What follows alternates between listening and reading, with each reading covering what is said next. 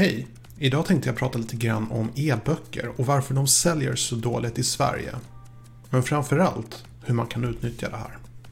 Mycket nöje.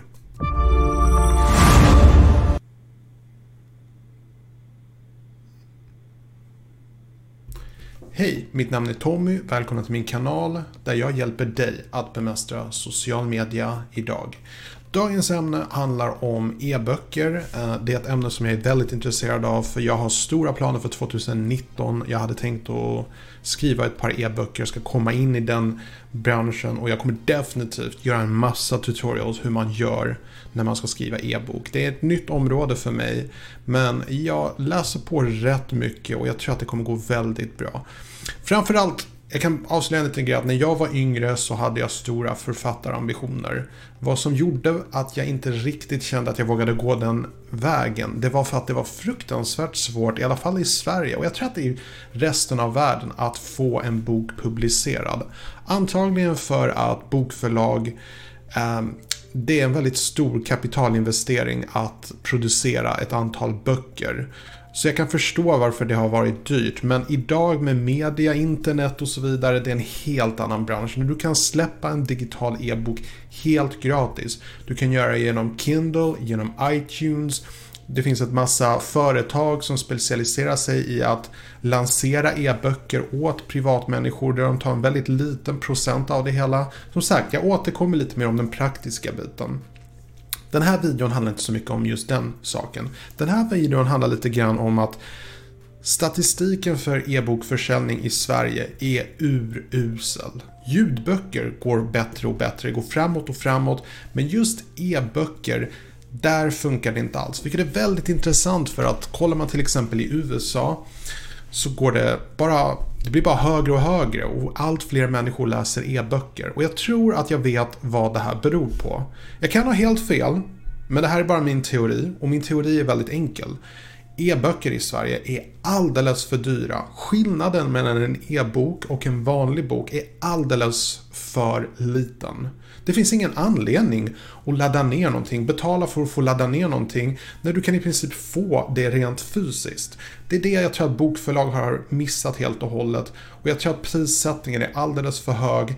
Det är i princip ingen skillnad vad jag har sett. Jag har inte sett en enda e-bok som är billigare än 50 kronor. 50 kronor kanske låter som lite pengar, men när du jämför med Amazon och Kindle-böcker, du ska i princip kunna köpa en e-bok för 10 kronor.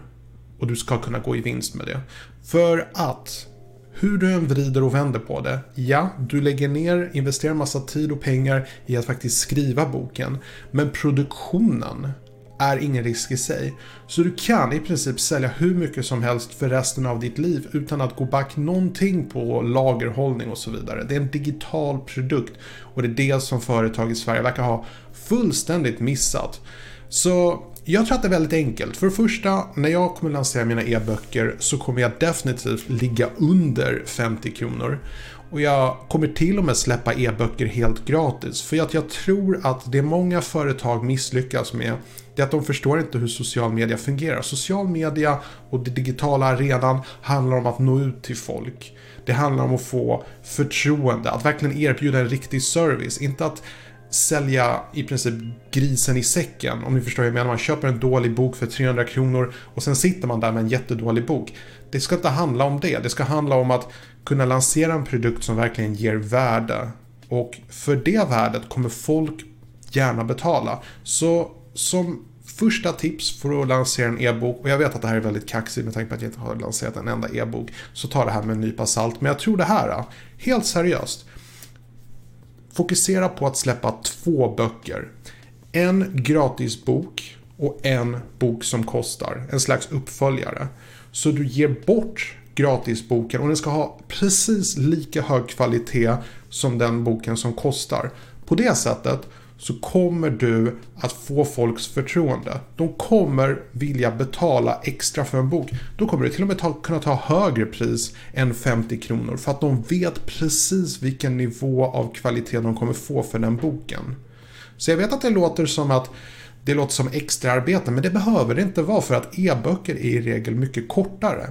Så om du har en bok på säg 200 sidor Dela upp den i del 1 och del 2. En del 1 kan vara 100 sidor, del 2 kan vara 100 sidor. Boom, det är klart.